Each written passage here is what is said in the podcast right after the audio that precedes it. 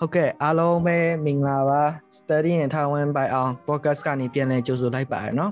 အခုကျွန်တော်တို့အခုဟုတ်ကဲ့အားလုံးပဲမင်္ဂလာပါ Study in Taiwan by အောင် podcast ကနေပြန်လည်ကြိုဆိုလိုက်ပါရเนาะအခုကျွန်တော်တို့အခုရှိတာကရှိလာတဲ့ guest speaker ကတော့ကိုမိုင်းကျော်စိုးဝင်းပါเนาะကိုမိုင်းမင်္ဂလာပါ အာမင်္ဂလာပါမင်္ဂလာပါကိုမိုင်းကိုမိုင်းနဲ့ကျွန်တော်နဲ့ကလည်းအစကတည်းကတည်ရဆိုတော့လေကိုမိုင်းကျွန်တော်ကတော့တည်ပြီပေါ့နော်ဒါပေမဲ့ကိုမိုင်းကိုဘကိုနည်းနည်းမိတ်ဆက်ပေးပါလားကိုအခုဗမာဗမာနေရလေဗမာကျောင်းတက်တာလေအဲ့လိုမျိုးပေါ့နော်อืมကျွန်တော်ကတော့ခုထိုင်ဝမ်မှာရှိတယ်ကျွန်တော်ကတော့ထိုက်ပေမှာနေတာပေါ့နော်ကျွန်တော်အကြောင်းကတော့ဟိုဟာ ဟွာကြီးလုံမြို့မှာရှိတယ်ကြီးလုံမြို့ကတော့ထိုင်ဝမ်ရဲ့အပေါ်ဆုံးမြို့လေးတစ်မြို့မှာကျွန်တော်ကျောင်းဝါရှိပါတယ်ကျွန်တော်အမှကျောင်းတက်တယ်နေတာတော့ကျွန်တော်ထိုင်ပေမြို့မှာနေတယ်အဲ့လိုမျိုးလေးပေါ့နော်အေးနောက်ပြီးတော့မှဟိုဒါတော့ကျွန်တော်အခုကျောင်းမှာနေတဲ့နေရာရဲ့ကျောင်းတက်တဲ့နေရာကိုအရင်ကြိုပြီးတော့မှလမ်းပြောပြတာပေါ့နော်ဟုတ်ကဲ့ဟုတ်ကဲ့ကိုကိုမိုင်းလို့ပဲခေါ်လိုက်တော့မယ်နော်ကိုမိုင်းကအခုကထောင်ဝမှာနေနေတာဘယ်လောက်ကြာပြီလဲပေါ့နော်ကျောင်းမှာတက်နေဆိုတော့ อืมကျွန်တော်ထိုင်ဝမ်မှာနေတာတော့ဟိုဟာရှိပြီအေး9နှစ်ထက်ရောက်နေပြီ9နှစ်ထက်ရောက်နေပြီပေါ့နော်တကယ်တမ်း9နှစ်ကဘာကြောင့်ရောက်သွားတာလဲဆိုတော့ကျွန်တော်အခုចောင်းသားနဲ့ပဲနေနေတော့ပေါ့နော်ပထမတော့ဒါတကယ်တမ်းចောင်းက၄နှစ်နဲ့တက်ပြီဆိုရင်ပွဲရပြီပေါ့နော်အေးလောဆယ်တော့ပွဲကိုမယူသေးပဲနဲ့အမှတ်ကိုနည်းနည်းခြံထားပြီးတော့မှကျောင်းကိုနောက်နှစ်နှစ်လောက်တိုးပြီးဆက်နေတာပေါ့နော်အဲ့ဒါကြောင့်မလို့အခုဒီနှစ်9နှစ်မြောက်ဖြစ်သွားတာပေါ့ ဟုတ်ကဲ့ဒါဆိုရင်ထားမနီနီယာကိုနဲ့ဆိုစုပေါင်း9နှစ်ပေါ့နော်အပြန်ပေါင်းကြည့်လိုက်ရင်2016 2019လောက်ကတည်းကထောင်ဝင်လာဖို့စီစဉ်ရှိခဲ့တာပေါ့နော်အဲ့လိုပုံစံအဲ့လိုတော့မဟုတ်ဘူးပေါ့နော်2019တုန်းကကြိုတင်ပြင်ဆင်စရာတော့ဘာမှမရှိဘူးဒီတိုင်းပဲ ဟိုကျွန်တော်ကအတိတည်းကျွန်တော်အတိတငယ်ချင်းတွေကထိုင်ဝမ်ကိုအရင်လာတယ်ထိုင်ဝမ်ကိုရင်လာပြီးတော့ကျွန်တော် information နဲ့လှမ်းပေးတာပေါ့နော်ဒီထိုင်ဝမ်မှာဟိုအချိန်ပိုင်းကြောင်းတက်ပြီးတော့မှအချိန်ပိုင်းအလုပ်လုပ်လုပ်လိုက်ရတယ်အဲ့ဒါလာချင်းလားအဲလာချင်းတဲ့ဆိုရင်တော့ तू ကတော့ပြန်ပြီးတော့မှဘာတွေကြိုတင်ပြင်ဆင်ရမလဲဆိုတော့ပြောပြတာပေါ့နော်အဲအဲ့ကလေးဒီကိုထိုင်ဝမ်ရောက်တာတော့2019တော့မှရောက်တာ2019လပိုင်းမှရောက်တာอืมอืมအော် အဲ့ဒါဆိုရင်ကိုကိုမိုင်းကအစကတည်းကဒီမှာအတိရှိလို့ဒီကိုရောက်လာတာပေါ့နော်အဲ့လိုမျိုးอืมဟုတ်တယ်ဟုတ်တယ်အစနဲ့ဒီမှာအတိရှိလို့လာလိုက်တာပေါ့နော်အဲအော်အတိကလည်းအရင်တော့လည်းထားမှညီရဲ့အမှအဲ့အတိရဲ့ကိုညီနဲ့အဲ့လိုမျိုးထားအောင်လာဖြစ်ခဲ့တယ်ကျောင်းလာတက်ခဲ့ပေါ့နော်အခုလက်ရှိလည်းအလုံးလုံးအလုပ်လဲအလုပ်ပါလုပ်တယ်ပေါ့နော်ကျောင်းတူတူတက်တာအလုပ်လည်းလုပ်တယ်အချိန်ပိုင်းလုပ်လုပ်ပြီးတော့မှကျောင်းဆက်တယ်နေတော့ပေါ့နော်အော်ဟုတ်ကဲ့ အဲ့လိုပေါ့နော်အဲကျွန်တော်ကအစကတည်းအစတော့ကမီးမလို့ပေါ့နော်အကိုကိုမိုင်းကလည်းမြန်မာလူမျိုးပဲပေါ့နော်မြန်မာလူမျိုးဆိုတော့ကျွန်တော်တော်တော်များများကထားမှရှိရလူတော်တော်များများအဲ့လိုမျိုးမြန်မာចောင်းသားဒါမှမဟုတ်ចောင်းတွေတော်များ overseas chinese တွေပဲများရဗျာအဲ့လိုကိုမိုင်းလိုမျိုးမြန်မာမြန်မာပေါ့နော်မြန်မာတိုင်းကျန်တဲ့မြန်မာတိုင်းသားတွေလိုမျိုး ပမာလူမျိုးတွေနည်းနည်းရှားတယ်အဲ့ဒါကျွန်တော်ကအစမေးမလို့ထိုင်ဘယ်လိုမျိုးစပြီးတိလာတယ်တိလာလဲပေါ့နော်အာကိုမိုင်းကကျွန်တော်ပြန်ပြောလိုက်တယ်ပေါ့နော်ထားမှာအတိတွေရှိရဲအဲ့လိုမျိုးအတိအကိုညီနဲ့ဒီလိုရောက်လာတယ်ဟုတ်တယ်ဟုတ်တယ်အဲ့ဆိုတော်တော်များများတော်တော်များများထားအောင်လာလာတယ်ဆိုတာကအဲចောင်းတက်ဖို့အဲ့လိုမျိုး လာစီစီအဲ့လို season ရှိဖို့လာရယ်ဒါမှမဟုတ်အဲ့လိုမျိုးအတိရရှိဖို့လာရယ်ပေါ့နော်ကိုမိုင်းကဒုတိယ category တဲ့ပါသွားတယ်ပေါ့နော်ဒါပေမဲ့အဲ့ဒါကလည်း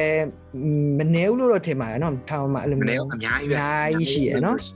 ကျွန်တော်ကဟိုဟာလေးမြန်မာတိုင်းသားတွေကလေမြန်မာတိုင်းသားတွေကပလောင်လူမျိုးပေါ့နော်ဟုတ်ကဲ့အဲ့ဒါပေါ့ ဒါပေမဲ့အတိရှိလို့ဒီဘက်မှာနည်းနည်းအဆက်အသွယ်လေးလုပ်လို့ကောင်းတယ်ကိုဘက်ကချူတင်ပြင်ဆင်စရာလေးတွေအဲကိစ္စလေးပေါ့နော်ဒီတန်ရုံဘယ်လိုဝင်ရမလဲကိုဘက်ကဖောင်နေစာရွက်စာတမ်းတွေဘယ်လိုလုပ်ရမလဲသူတို့ကနေတဆင့်တီးတော့နည်းနည်းပိုအဆင်ပြေသွားတာပေါ့နော်အော်ဟုတ်ကဲ့အဲ့ဒါဆိုတော့အဲကျောင်းနေပါလွန်ခဲ့တဲ့9နှစ်လောက်တုန်းကပေါ့နော်အဲ့လိုမျိုးကျောင်းနေပါရှောက်ခဲ့တဲ့အချိန်မှာကိုကရန်ကုန်ဟိုမြန်မာမှာဆိုတော့အဲ့လိုမျိုး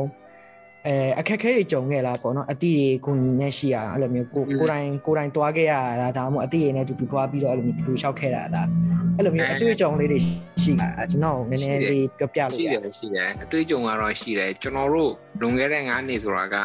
ဟ ဟိုထိုင်ဝမ်လာတဲ့မြန်မာအကြောင်းသားလေးကတော့နေတယ်ရှိတော့ရှိတယ်เนาะမြန်မာလေးကနေတယ်ဒီနောက်ပိုင်းတွေကတော့ပိုပြီးများလာတယ်ဒီနောက်ပိုင်းတော့တွင်ကျလာတော့ကွာအရင်တော့ကဆိုရင်မြန်မာပြည်မှာ UFN နဲ့ကြောင်းပြီးတဲ့တရုတ်နဲ့ UFN ကြောင်းပြီးတဲ့လူတွေကဟို China ကြီးပဲတွားကြတာများတယ်ဟိုတရုတ်ပြည်ပဲတွားကြတာများတယ်အဲ့ဒီဟိုပဲတော့ပါနော်အခုဝူဟန်မြို့တော်မှာဆိုရင် တော်တော်များများမြန်မာကျောင်းသားတွေရှိတယ်ဒါပေမဲ့ထိုင်ဝမ်မှာနေတယ်ဒီနောက်ပိုင်းတွေကတော့များလာတာပေါ့နော်အဲအဲကျွန်တော်တို့ကကျွန်တော်အမမဟုတ်ပါကျွန်တော်အတိတငယ်ချင်းတွေကတော့တို့ကထိုင်ဝမ်အရင်ဆုံးလာတာပေါ့နော်ပထမအတုံးလာတယ်ဒါ group လိုက်လာတာပေါ့နော်တို့လာတယ်လာတော့မှတို့ကတော့တစ်နှစ်လောက်နေကြည့်တယ်ကျောင်းတက်လို့ရတယ်အချိန်ပိုင်းအလုပ်လုပ်လို့ရတယ်ဆိုရတဲ့ဟိုကျွန်တော်တို့လှမ်းပြီးတော့မှပြောပြတာပေါ့နော်ဘယ်လိုမျိုးလာမလဲဘယ်လိုမျိုးအားလောက်ရမလဲအဲအဲ့နေရာမှာကျွန်တော်တို့ကတော့ဟို ဆိုင်ရွက်စာတန်းတွေလောက်ရတာတဲ့အခက်အခဲရှိတာပေါ့နော်ပြီးရင်ဆိုင်ရွက်စာတန်းတွေလောက်ရတယ်ပြီးအဲ့ဒါတွေကို notary ပြန်ရတယ်အဲ့ဒါ notary ပြန်ပြီးတော့မှတန်ယုံသွားတဲ့ခါမှာလည်းအခက်အခဲရှိတယ်တန်ယုံကဘာအခက်အခဲရှိတာလဲဆိုတော့တချို့တန်ယုံကသူတို့တတ်မှတ်ထားတဲ့ဟိုစင်မြင်မရောက်မချင်းသူတို့ကဒီ service စာတန်းအောင်တောင်းနေတယ်အဲ့တော့မှဟိုဟိုဟာတွေဒီဟာတွေလူတာတွေအဲ့ဒါဖြည့်ဖြည့်ရတာပေါ့နော်အေးနောက်ဆုံးอืม အဲအဲ့လိုမျိုးအခက်အခဲတွေရှိတာပေါ့နော်ဟိုနောက်ပြီးတော့မှဘယ်လိုမျိုးအခက်အခဲတွေရှိသေးလဲဆိုတော့နောက်ပြီးဒီဟို service စာတန်းမပြည့်စုံတဲ့ဟာတွေလည်းပါတာပေါ့နော်အခက်အခဲဆိုတာလည်းအေးနောက်ပြီးတော့မှဒီ visa ရှောက်ရတဲ့ကိစ္စတွေဘာတွေကဟိုခတ်တာပေါ့နော်ဟုတ်ဟိုဒီနောက်ပိုင်းကတော့တော်တော်လေးလွယ်တာတွေ့ရတာပေါ့နော်အဲကျွန်တော်တို့ကနည်းနည်းလေးတော့ခတ်တာပေါ့နော်ဟိုတန်ယုံဝင်တာအစဟိုခြေတုံလက်တုံတွေကတော့ဖြစ်တာပေါ့နော် အေးမှန်တာပေါ့မှန်တာပေါ့အေးအေးအဲ့ဒါကလည်းကိုကရွှေချက်ချက်ရှိလို့ကိုယ့်ဘက်ကိုရှောက်ခဲ့တာပေါ့နော်။ဘာဖြစ်လို့လဲဆိုတော့ကျွန်တော်မှာနားထောင်နေတဲ့လူလည်းနားပါလဲတီသွားအောင်ပေါ့နော်။အရင်တော့ကရန်ကုန်မှာထိုင်ဝမ်ရုံးမရှိခဲ့ဘူးပေါ့နော်။အဲ့ဒါအရင်တော့ကမရှိဘူးအဲ့ဒါမရှိခဲ့တော့မရှိခဲ့တော့အနီးဆုံးဘာဘယ်ကိုသွားလဲဆိုတော့ထိုင်းနိုင်ငံဘန်ကောက်ကိုသွားရတယ်ဘန်ကောက်ကနေမှအဲ့လိုမျိုးဟုတ်တယ်ဗီဇာရှောက်ရတယ်ပေါ့နော်အဲ့ဟုတ်တယ်ဟာအဲ့ဒီလိုဟို အဲ့လိုမျိုးအရင်တော့ကလည်းထိုင်းအောင်လည်းဗီဇာကလည်းရှောက်ပြီးတော့ဗီဇာလျှောက်ပြီးမှထိုင်းအောင်သွားသွားပြီးတော့မှဗီဇာထိုင်းအောင်ဗီဇာထပ်လျှောက်ဆိုအဲ့ဒါကဈေးစခအရင်များလို့တော်တော်များများက agency တွေကိုရွေးကြတယ်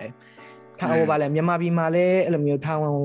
လာလာဖို့ကိုလာဖို့ပေါ့နော်ထိုင်းအောင်ကျောင်းသားအနေနဲ့ရောအလုပ်လုပ်ဖို့ရောလာဖို့အဲ့လိုမျိုး agency အများကြီးထွက်လာခဲ့တယ်ပေါ့နော်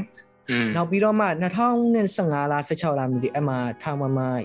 ဟိုပါလေမြန်မာပြည်မှာရန်ကုန်မှာပေါ့နော်ရုံးစာဖွင့်တဲ့အချိန်မှာဟုတ်တယ်လူတွေတော်တော်များများကအဲ့ဟုတ်နီတယ်လန်ဒုတိယနီလန်တစ်ခုပေါ်လာတယ်ပေါ့နော်အဲ့ဒါကိုပိုင်လျှောက်တဲ့နီလန်ဗီဇာလျှောက်တဲ့နီလန်အဲ့ဒါဟုတ်တယ်ကိုကိုမိုင်းတို့ဆိုလဲပထမအတုပ်ပဲဖြစ်လောက်မယ်ထင်တယ်ဘာဖြစ်လို့လဲဆိုဒုတိယကျွန်တော်တို့ဒုတိယဒုတိယလားတော့အေးအေးဒုတိယပထမအတော့တုပ်ကျွန်တော်တငယ်ချင်းတွေပါသွားတယ်ဟုတ်တယ်ဟုတ်အေးအမှပထမပထမအတုပ်ကလူတွေဆိုတော်တော်ဇရာရှုပ်ခဲ့တာပေါ့နော်အဲ့လိုမျိုးဟုတ်တယ်ဟုတ်တယ်အာဟုတ်တယ်လုံးလုံးလုံးရမယ်မသိဟုတ် နောက်တယ်ပြီးပထမဆုံးလူဆိုတော့လေသူတို့ကမိုဖာတစ်စိတ်တုံးထုပြီးဘာလုပ်ရမလဲနောက်ပြီးအိမ်အောင်စုစရင်နေပါဘာလို့ရမှာဟုတ်တဒီယ်ကောင်စရင်နေပါစုထားမလဲအဲ့လိုမျိုးပါမသိခဲ့ဘူးပေါ့နော်အဲ့ဒါကတော့อืมအချိန်ကြီးတော်တော်ဆိုးခဲ့တဲ့အပိုင်းပေါ့နော်ဒါပေမဲ့ဒုတိယအတုတ်ကနေစပြီးတော့အစဉ်နည်းနည်းပြေသွားအခုလက်ရှိကျွန်တော်တို့ ဟုတ်တယ်ကျွန်တော်တို့အတုတ်ကစာပြီးနည်းနည်းအဆင်ပြေသွားတယ်။ဘာကြောင့်လဲဆိုတော့ကျွန်တော်တငယ်ချင်းတွေကလိုအပ်တာတွေအားလုံးကိုကျွန်တော်တို့ပြန်ပြီးပြောပြတဲ့ခါမှာကျွန်တော်ပြင်ဆင်ရတာတွေတော့ရှိတာပေါ့။ဒါပေမဲ့နည်းနည်းအခက်အခဲလေးတွေရှိသေးတာပေါ့။အဆင်ပြေတယ်ဆိုရင်မဲ့အခက်အခဲလေးကတော့နည်းနည်းပါးပါးတော့ရှိတာပေါ့နော်။အရင်လောက်တော့မခက်တော့ဘူးပေါ့နော်။အဲအဲ့လိုမျိုးပေါ့နော်ဒုတိယတုတ်မှာကျွန်တော်တို့ကအာကျွန်တော်တို့ចောင်းသား17ယောက်ပဲရှိတယ်အများကြီးမဟုတ်ဘူး17ယောက်ပဲရှိတယ်ဒီတကယ်တမ်းတော့တန်ယုံဝင်တာကတန်ယုံဝင်တာကကျွန်တော်တို့အတုတ်မှာအယောက် 100ကျော်တန်ယုံဝင်တယ်အဲ့တော့မှအဲ့တန်ယုံကစိတ်ချလိုက်တဲ့ခါမှာကျွန်တော်တို့တကယ်ချင်း17ယောက်ပဲအာចောင်းခေါ်စာရပြီးတန်ယုံမှာ pass ဖြစ်ပြီးသွားရတာပေါ့နော်ဟိုဟုတ်တကယ်တမ်းဟိုတချို့လူတွေဆိုရင်အစင်မပြေလူတွေအများကြီးရှိတယ်စာရွက်စာတမ်းမပြေဆုံးတာတော့အင်တာဗျူးရင်ဟိုတူကတေးလူလည်းဖြူတယ်အင်္ဂလိပ်လူလည်းဖြူတယ်တေးလူမရအင်္ဂလိပ်လူဖြူတယ်အာအင်္ဂလိပ်လူလည်းမရအောင်လို့မေးတယ်ဆိုရင်တိတ်ဟိုအစင်မပြေတဲ့လူဆိုရင်သူတို့ကတော့အာကျောင်းခေါ်ဝါ pass မပေးဘူး visa မချပေးဘူးအဲ့လိုမျိုးလေးတွေကြုံရတာပေါ့နော်ကျွန်တော်တို့ကတော့အရန်တော်လို့တော့မဟုတ်ဘူးပေါ့နော်ကံကောင်းပြီးတော့မှအရှိကဟိုအရှိကတီးတဲ့လူကြီးနဲ့ဟိုမေးအတိုင်ယုံမှာမေးတတ်တဲ့မေးခွန်းလေးတွေဘယ်လိုရှောင်းမလဲဆောင်းရန်ရှောင်းရန်လေးတွေကျွန်တော်တို့ကလည်းဟိုမအိမ်မအာတော်တော်လေးပြင်ဆင်ခဲ့ရတာပေါ့နော်အဲ့လိုလေးပြင်ဆင်ခဲ့ရတော့လေအစံတိုင်ယုံမှာအဆင်ပြေသွားတာပေါ့နော်ဟုတ်မန်တိုင်းဆိုရင်ကျွန်တော်တို့လည်းဘာမှမပြင်ဘူးဆိုရင်ဒီတိုင်းသွားရှောက်မယ်ဆိုကျွန်တော်တို့လည်းကြာမယ်အဲ့ဒါကကျွန်တော်ကန်ကောင်းသွားတာပေါ့နော်ကန်ကောင်းတော့မှအဲ pass ဖြစ်သွားတာပေါ့နော်အဲ ကံကောင်းထောက်မှစွာနဲ့ပဲဒုတိယတုံးနဲ့ပဲပါလာခဲ့တာပေါ့အေးဟုတ်တယ်ကံကောင်းပါပဲမွင်တတိယတုံးစတာတုံးနဲ့လာရင်လားမမပြောတော့အေးဟုတ်တယ်ဟုတ်တယ်အဲ့လိုမျိုးတွေရှိတယ်ဟုတ်ကဲ့ဟုတ်ကဲ့အဲ့လိုပြောပြပေးရလဲသူသူထူးကြတာပေါ့နော်ဘာဖြစ်လို့လဲဆိုတော့အဲ့လိုအတွေ့အကြုံရှိခဲ့လူကတော်တော်တကယ်ပြောရင်တော်တော်နည်းတယ်ပေါ့ကိုပိုင်ရှောက်ရှောက်ခဲ့လေဘာလို့ဆိုတော့တော်တော်များများကအဲ့လိုမျိုး agency နဲ့တွားတဲ့လူတွေအများကြီးရှိရပေါ့ဟုတ်တယ်ဟုတ်တယ်ဟုတ်တယ်အခုလည်းဒီနောက်ပိုင်းလာတဲ့လူတွေရှိတယ် နောက်ပိုင်းဒီနောက်ပိုင်းအဲ့လိုမျိုးတရုတ်ဘာသာစကားအကြောင်းကနေအဲ့လိုမျိုးလူလူတွေခေါ်တယ်ဗျာလူတွေခေါ်တဲ့အချိန်မှာအဲ့လိုမျိုးသူတို့တွေက agency ကနေတဆင့်အဲ့လိုရှောက်ပြီးတော့ visa ယူတယ် visa ယူပြီးတော့မှဒီကိုလာကြရပေါ့နော်အဲ့ဒါကတော့ရှာနဲ့ချီရှိတယ်ဒါပေမဲ့ကိုကိုမိုင်းလိုမျိုးအဲ့လိုမျိုးကိုပိုင် visa ကိုတိုင်း visa ရှောက်ပြီးလာတဲ့လူကတကယ်တမ်းပြောရင်10ခန်းလောက်ပဲရှိရတဲ့နှစ်ကိုလေရာ100တောင်မရောက်ဘူးအခုထိပေါင်းရင်တော့ 100ကျော်200ချားပဲရှိလောက်မယ်ထင်တယ်။အဲဒါကျွန်တော်ကြည့်ကြည့်ထားပေါ့နော်အဲ့လိုမျိုး research လုပ်တဲ့အချိန်မှာလို့တွေ့မိတာလေးပေါ့နော်။အဲ့ဒါကတော့ visa ကိစ္စနဲ့ပတ်သက်ပြီးပေါ့နော်နောက်ပြီးကျွန်တော်မေးကြည့်ချင်တာလေးတစ်ခုပေါ့နော်အားလုံးလည်းသိချင်ပါပါကိုကိုမန်းကအဲ့လိုမျိုးထောင်ចောင်းတက်မယ်လို့ဆုံးဖြတ်လိုက်တယ်ပေါ့နော်အဲ့ဒီချိန်တော့အဲ့လိုចောင်းနေပါဘယ်လိုလိုက်ရှာသေးလဲအဲ့လိုအခြေအနေမှာအဲ ကျွန်တော်တို့အဲ့တော့ဆိုမြန်မာပြည်မှာဆိုတော့တိတ်ပြီးတော့မှမကျွမ်းကျင်ဘူးပေါ့နော်အာအလုံးစုံတော်တော်များများကျွန်တော်တငယ်ချင်းကသူကတရုတ်လည်းဖြစ်တဲ့အတွက်သူကဟွာချောင်တရုတ်ဟွာချောင်ပေါ့နော်သူကမြန်မာပြည်ကတရုတ်ပေါ့တရုတ်ဆိုတော့သူကဒီမှာနေတာတစ်နှစ်လောက်ရှိပြီဆိုတော့သူကဒီမှာ ကြောင်းလျှောက်ရတာသူကပို့ပြီးနားလေတယ်ကွာနောက်ပြီးသူတို့ကိုဟိုသူတို့ကလည်းအရင်သူတို့ကအရင်တုတ်ကသူတို့က agency နဲ့လာတာသူတို့ပထမဆုံးတော့ agency လမ်းလာတယ်ဆိုပေမဲ့သူတို့ကနားလဲသွားတယ်နားလဲသွားတဲ့အတွက်ဒီကိစ္စတွေဟိုလှုပ်လို့ရတယ်ဆိုရင်မှအဲကျွန်တော်တို့လှမ်းပြောပြတာပေါ့နော်ဒီဟာတွေအားလုံးသူတို့ပဲအကုန်လုံးလှုပ်ပေးသွားတာပေါ့နော်အဲဒီလိုမျိုးကိုယ့်ဘက်ကမြန်မာပြည်မှာပြင်ဆင်တာပြင်ဆင်ပြီးတော့မှဟို ဟိုဗာလဲတန်ရုံဝင်ရတာပေါ့နော်အဲကိစ္စတွေပါလေတော့ဂျန်နေအားလုံးကတော့သူတို့သူတို့ကပဲလုပ်ပေးသွားတာ အဓိကအဖြစ်ចောင်းចောင်းဟိုဗာလေចောင်းလျှောက်တာလို့ចောင်းလျှောက်တဲ့ကိစ္စတွေအကောင်လုံးတော့ဟိုကိုကိုမိုင်းရဲ့တငယ်ချင်းကနေကိုညီပေးလိုက်တာပေါ့နော် အေးဟုတ်တယ် အော ဟုတ်တယ် ်ဟုတ်ကဲ့ဟုတ်ကဲ့ ဒီ အဲ့လိုမျိုး အခက်အခဲလေးတွေကြုံတွေ့ခဲ့ရတာပေါ့နော်နောက်ပြီးတငယ်ချင်းကိုညီတောင်းပြီးတော့ပဲလာခဲ့ကြတဲ့လူတွေကြီးပဲเนาะအကုန်လုံးကတော့ကျွန်တော်ပါဝင်ပေါ့လေ အေးအေးဟုတ်တယ်အဲ့လိုမျိုးပဲကွာအဆက်တွေအဆက်တွေနဲ့လာရတာပေါ့တယောက်တည်းလာလို့လည်းအဆင်မပြေဘူးလေဟုတ် ဟုတ် တယ် တယ် မ ဟုတ်တယ်ဟုတ်တယ် ဟိုကမန္တလေးကနေရန်ကုန်မန္တလေးကနေရွာပြန်တာမဟုတ်တာရန်ကုန်သွားတာမဟုတ်တာအဲ့တော့သူများနိုင်ငံသွားတာမှာဟုတ်လား ဟုတ်တယ်သူများနိုင်ငံသွားဆိုတော့အဲ့ဒါဟိုဗာလေပတ်ဝန်းကျင်ကလည်းအစ်စ်လေပတ်ဝန်းကျင်အစ်စ်ဆိုတော့ကိုက တက်ပဲလေဟု ဟုတ် တ် တ တယ် ယ်ကိုကလည်းမတော့ အဲပတ်ဝန်းကျင်အတင်းနဲ့ပတ်သက်ပြီးတော့ပေါ့နော်နောက်တစ်ခုကအဲ့လိုမျိုးထိုင်ဝမ်လွန်ခဲ့တဲ့9နှစ်ပေါ့နော်လွန်ခဲ့တဲ့9နှစ်ထိုင်ဝမ်စရောက်လာတော့ကကိုမိုင်းနေနဲ့အဲ့လိုမျိုးနေတာမကြရဲ့ကိစ္စလေးရှိခဲ့တာပေါ့နော်အေးဒါတော့ကျွန်တော်တယောက်တည်းမဟုတ်ဒါကတော့လူတိုင်းပဲဘာဖြစ်လဲဆိုတော့ဟုတ်ကဲ့ကိုနေတဲ့နေရာမဟုတ်ဘူးဆိုရင်တော့နည်းနည်းတော့ကတိကောက်တော့ဖြစ်တယ်ဒါပေမဲ့ကျွန်တော်ရဲ့အားသာချက်ကဘာဖြစ်တာလဲဆိုတော့ကျွန်တော်ကပတ်ဝန်းကျင်အတိရောက်ရင်ကျွန်တော်ကအနည်းဆုံး အားနည်းချက်ကိုကျွန်တော်လိုက်မရှာအောင်ကျွန်တော်ပျော်စရာတွေပြောမှဆိုရင်ကိုကိုအတွက်အားသာချက်တစ်ခုဖြစ်မဲ့ဟာကိုကျွန်တော်လိုက်ရှာတယ် ဒါကျွန်တော်ရဲ့အားသာချက်တစ်ခုပေါ့နော်ကျွန်တော်ထိုင်ဝမ်ရောက်တယ်တချို့လူတွေကအစားအသောက်ကိစ္စတွေစိတ်ညစ်ရတဲ့အချိန်မှာကျွန်တော်စိတ်မညစ်ဘူးကျွန်တော်ပြောတယ်ဘာဖြစ်လဲကျွန်တော်ပတ်ဝန်းကျင်အတစ်တစ်ခုမှာစူးစမ်းလေးလာရမယ့်ဟာတွေအများကြီးရှိတယ်တင်ရမယ့်ဟာတွေအများကြီးရှိတယ်အဲ့ဒီအတွက်ကျွန်တော်ပြောတယ်စားတာတွေဘာတွေကနေသားမကြဘူးရတယ်နေသားကြအောင်နေလို့ရတယ်အဲ့လိုမျိုးတော့တချို့လူတွေကတော့ဒုက္ခရောက်ကြတာပေါ့နော်အစားအသောက်တွေမကြိုက်တာနဲ့တချို့အရန်အေးတာမခံနိုင်တာတို့အဲ့လိုမျိုးတွေရှိတာတို့ကျွန်တော်ကတော့ဒီမှာရောက်တာတော့ စိတ်ညစ်စရာကတော့အာရှိတော့ရှိမယ်ဒါပေမဲ့တော့မရှိအောင်နေနေရတာပေါ့နော်အဲအဲ့လိုမျိုးတော့တော့ရတာပါတချို့အဲ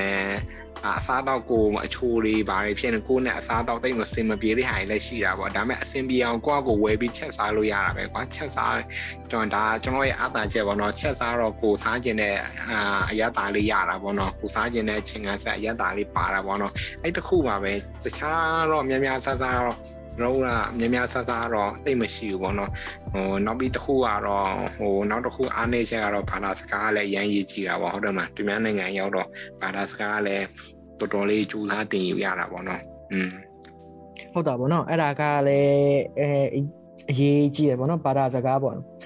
အဲ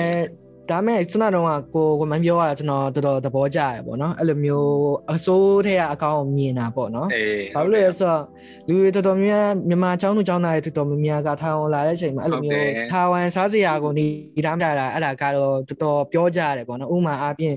အဲဒီကလူတွေကအဆက်မစားတာ နံပါတ်1အဆက်မဆက်နံပါတ်2သူတို့ဟင်းပွဲရအရင်ဘယ်လိုပြောရမလဲချို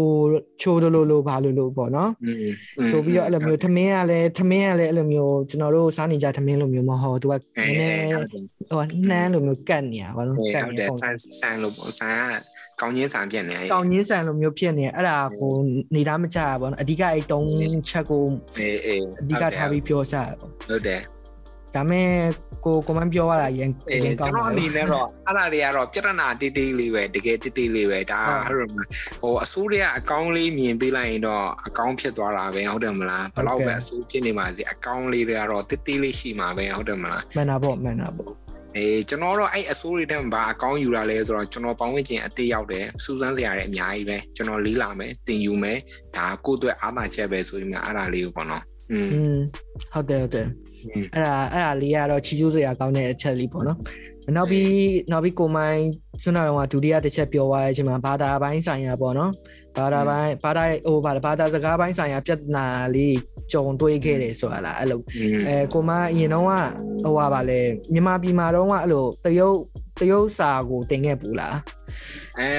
အမှန်တိုင်းပြောရင်တော့မြန်မာပြည်မှာတော့ဟိုထူးထူးအထူးတလဲတင်နန်းတော့တက်တာတော့မရှိဘူးပေါ့နော်ကိုယ့်အကိုလေးလာတာတော့နည်းနည်းပါးပါးဟိုပြောမစင်တော့ဖုန်းကနေ online ကနေလေးလာတာတို့ပါတော့ရှိတာပေါ့နော်အာမြန်မာပြည်မှာ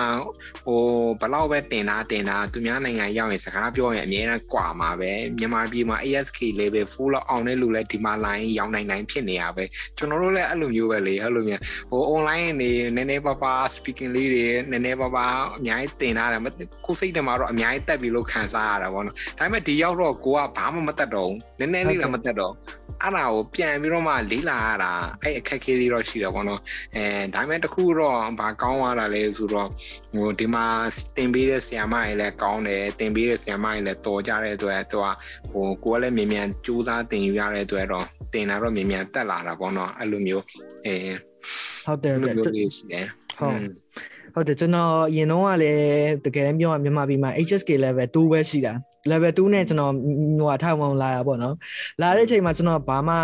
ဘာမှမသိဘူးပို့ဆိုတာကျွန်တော်ကဟိုဗာလေ English talk ကိုမတင်မဲ့မယူဘဲနဲ့ Chinese talk ကိုယူလိုက်တာอืมမေဂျာကိုလေ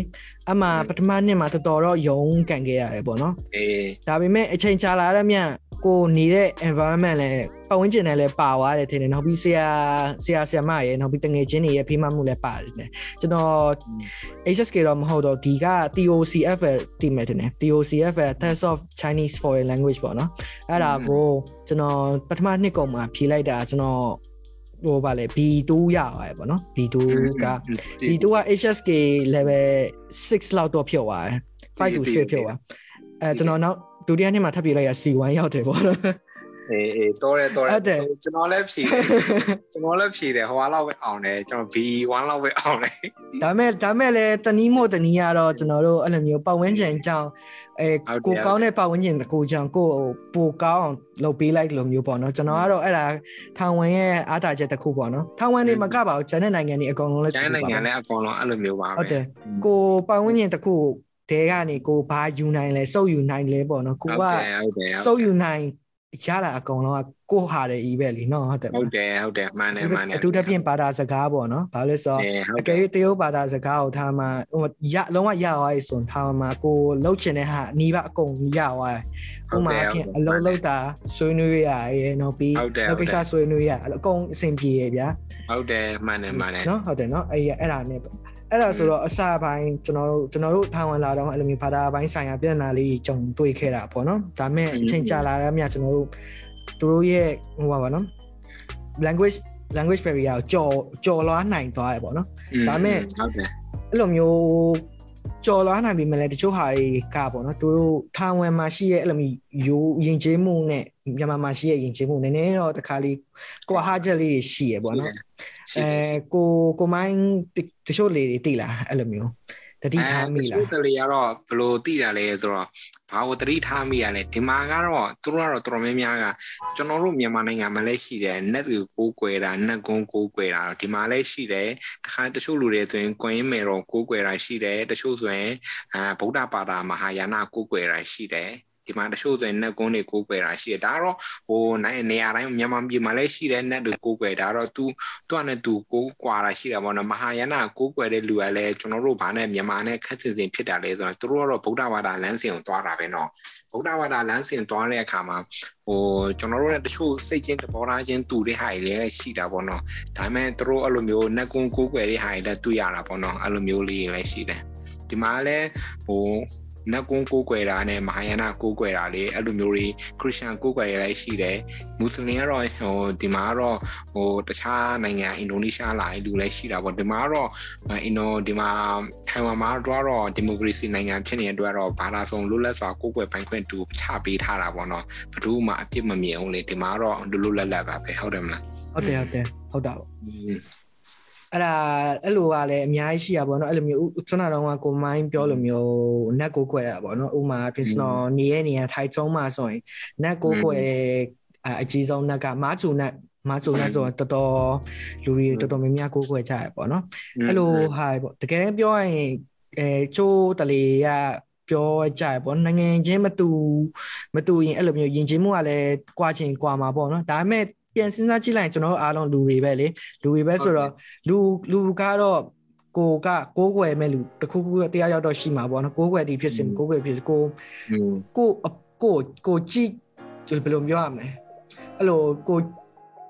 ကိုပေါ်ကြည့်ရလူပေါ့နော်ဥမာအပြင်ကိုအဖေအမေလို့ရှိမလားကိုဆရာဆရာတွေပါရှိမလားဥမာအပြင်အဲ့လိုပြောအဲ့ဒါလေးရှိတယ်နောက်ပြီး ထားမှာလည်းတူပဲပေါ့နော်အဲ့လိုမျိုး net တွေကိုးကွယ်တယ်မြန်မာမှာလိုမျိုးပေါ့နော်မြန်မာကတော့အဲ့လိုမျိုးဗုဒ္ဓဘာသာကိုးကွယ်တယ်လို့ထားမှာလည်းဗုဒ္ဓဘာသာကိုးကွယ်တယ်အဲ့လိုတူတယ်အဲ့ဒါမဲ့အဲ့လိုလေးပေါ့နော်တကယ်ပြောရင်အကောင်လုံးနီးစပ်ပါတယ်ဒါပေမဲ့အဲ့လိုမျိုးတသေးလေးတွေပေါ့နော်အဲ့လိုမျိုးကွာချားမှုတသေးလေးတွေအကြောင်းလူတွေကအဲ့ဒါကိုတိတ်ပြီးနေတာမကြဘူးလို့အဲ့လိုပြောကြပေါ့တကယ်ကြအကောင်လုံးတူတူလောက်ပါပဲ ဟုတ်တယ်အဓိကတော့ကိုယ်စိတ်ပါပဲကိုယ်စိတ်ကိုရှင်းရှင်းလင်းလင်းထားမယ်ဆိုရင်တော့နေသားကြပါတယ်ဟုတ်တယ်မလားဟုတ်တာကိုနေသားကြအောင်ကိုကိုကိုကိုစိတ်ကိုကိုအရင်ရှင်းရမှာပေါ့ဟုတ်တယ်မလားကိုဟိုမှာဗျာသူတို့ကဒါမျိုးကိုကိုယ်ွယ်ရဲဆိုရင်ကိုကဒီမိုကရေစီနိုင်ငံရောက်တဲ့အတွက်ဒီမိုကရေစီအတွေးခေါ်လေးထည့်ပေးရမှာကျွန်တော်တို့တကယ်တမ်းပြောရင်လည်းဟို ကျွန်တော်မြန်မာနိုင်ငံမတိခဲ့တဲ့အသည့်တွေကလေတိတိလေးပဲလေထိုင်ဝမ်နိုင်ငံသေးတယ်ဆိုရင်မှထိုင်ဝမ်နိုင်ငံကဒီမိုရီဆန်တဲ့အတွက်ဒီမှာကျင့်သုံးတဲ့ delay တွေသူ့ရဲ့သွားတဲ့ပုံစံတွေကအရန်အရန်မိုက်တယ်အရန်ကွာခြားတာပေါ့နော်ကျွန်တော်နိုင်ငံနဲ့ကွာခြားတာကျွန်တော်တို့မြန်မာနိုင်ငံဗုဒ္ဓဘာသာရှေးဥဆန်တာလည်းရှိတယ်ဥမာဟိုဟာမလုံးနဲ့ဒီဟာမလုံးနဲ့ဟိုလိုမျိုးမဝင်းနဲ့ဆိုတာရှိတယ်ဒါပေမဲ့ဒီမှာကတော့ ကျွန်တော်လည်းစားရောက်ကစားတော့တိတ်အသားမကြအောင်တို့ဘာသာဒီလိုမျိုးဘာလဲမျိုးဟိုတချို့ဆိုရင်ကျွန်တော်ကြုံဘူးတာပေါ့နော်အဲ့လိုမျိုးသူတို့ main ကလေးတွေအရန်ပွင့်လင်းတာတို့ဘာလို့ဆိုရင်ပေါ့နော်ကျွန်တော်မြန်မာနိုင်ငံ main ကလေးအဲ့လိုမျိုးပွင့်လင်းနေဆိုရင်ဒီကောင်းမလေးကမကောင်းသလိုမြင်တာပေါ့နော်အဲဒါပေမဲ့တို့ဒီမှာဒီမိုကရေစီဆန်ဆန်သွားနေတဲ့အတွက်ဒါကတော့သူတို့ကလုံးဝပုံမှန်ပဲတာမန်ပဲတာမန်လူသူတို့နေတဲ့ပုံစံတိုင်းပဲဒါကတော့ဒီမိုကရေစီနိုင်ငံပေါ့နော်အဲအဲ့ဒါနောက်ပိုင်းအသားကျလာတာပေါ့နော်အဲ့လိုမျိုးလေး ဒီမိုကရေစီဆိုတာကလည်းသူများသူတစ်ပါးကိုမထီးခိုင်းတရွေ့ကိုပိုင်လို့ကြိုက်တာလို့လို့ရကိုပိုင်လွတ်လပ်စွာအဲတွေးခေါ်နိုင်ဝင်ရှိတယ်နောက်ပြီးလောက်ခွင့်ရှိရပေါ့နော်အဲအဲ့စနစ်ကိုထိုင်ဝမ်ကလည်းကျင့်သုံးနေရတယ်နည်းနည်းကြာပြီပေါ့နော်နှစ်3နှစ်30 40လောက်တော့ရှိပြီပေါ့ဟုတ်တယ်အဲ့လိုပုံစံပေါ့အဲ့ဒါနေမှကျွန်တော်တို့ဟိုလိုမျိုးထိုင်ဝမ်လူမျိုးတွေဘယ်လိုပုံစံဖြစ်လာတယ်လဲအဲ့ဒါလေးပေါ့နော်မြန်မာမြန်မာလူမျိုးတွေနဲ့အဲ့လိုမျိုးတွေးခေါ်မှုပုံစံဘယ်လိုမျိုးกว่าလဲအဲ့ဒါလေး တိလာခဲ့တာပေါ့อืมအဲ့ဒါကတော့ဟိုဗာလဲလူမျိုးပိုင်းလူလူမျိုးရဲ့လူမျိုးပိုင်းဆိုင်ရာတွေရဲ့နောက်ပြီးယဉ်ကျေးမှုပိုင်းဆိုင်ရာတွေပဲဖြစ်သွားတယ်ပေါ့နော်ဟုတ်တယ်ဟုတ်တယ်ဟုတ်တယ်တော်များပြောရရင်ထိုင်ဝမ်မှာတော်များကိုကပဲကောင်းလို့လားမသိဘူးကောင်းကောင်းတဲ့လူတွေပဲတောက်ချောက်တိုးနေတာပေါ့တော့ဆိုးတဲ့လူနဲ့မတိုးဘူးဖြစ်နေဆိုးတဲ့လူကတော့နိုင်ငံတိုင်းမှာရှိမှာပဲဟုတ်တယ်မလားဒါပေမဲ့ကိုယ့်ရဲ့ကိုယ့်ရဲ့စိတ်ကိုလည်းကိုကကောင်းအောင်ထားတဲ့အတွက်ကိုကပဲကောင်းတဲ့လူနဲ့တွေ့နေရတော့မသိဘူးပေါ့နော် တော့ဆယ်အခုထက်ထိငါးနှစ်နေတဲ့အခါမှာကောင်းတဲ့လူနဲ့ပဲတောက်လျှောက်တူတယ်မကောင်းတဲ့လူတော့တွေ့ပါတယ်တတိမမလေးပါပဲဟုတ်တယ်မလားကိုပေါ်စောက်ချင်းရုပ်တာလို့အယုံမာတာတော့အဲ့လိုမျိုးလေးတော့မတွေ့ဘူးပေါ့နော်တော်များဒီမှာတော့ဖော်ဖော်ရွယ်ရွယ်ရှိတယ်ကောင်းကောင်းမွန်မွန်ဆက်ဆံနေရတော့ရှိတယ်အဲ့လိုမျိုးလေးတွေ့ရတာပေါ့နော်ဟုတ်ကဲ့ဟုတ်ကဲ့အဲ့လိုလေးတော့ရှိရပါတော့ အဲနောက်ပြီးအကိုကကိုမိုင်းကလည်းအဲ့လိုမျိုးငါးနှစ်တောင်နေလာခဲ့ပြီဆိုတော့အဲ့လိုမျိုးအရင်တော့ရှိခဲ့တဲ့အဲ့လိုမျိုးပြဿနာတွေအခုအခုရောအဲ့လိုမျိုး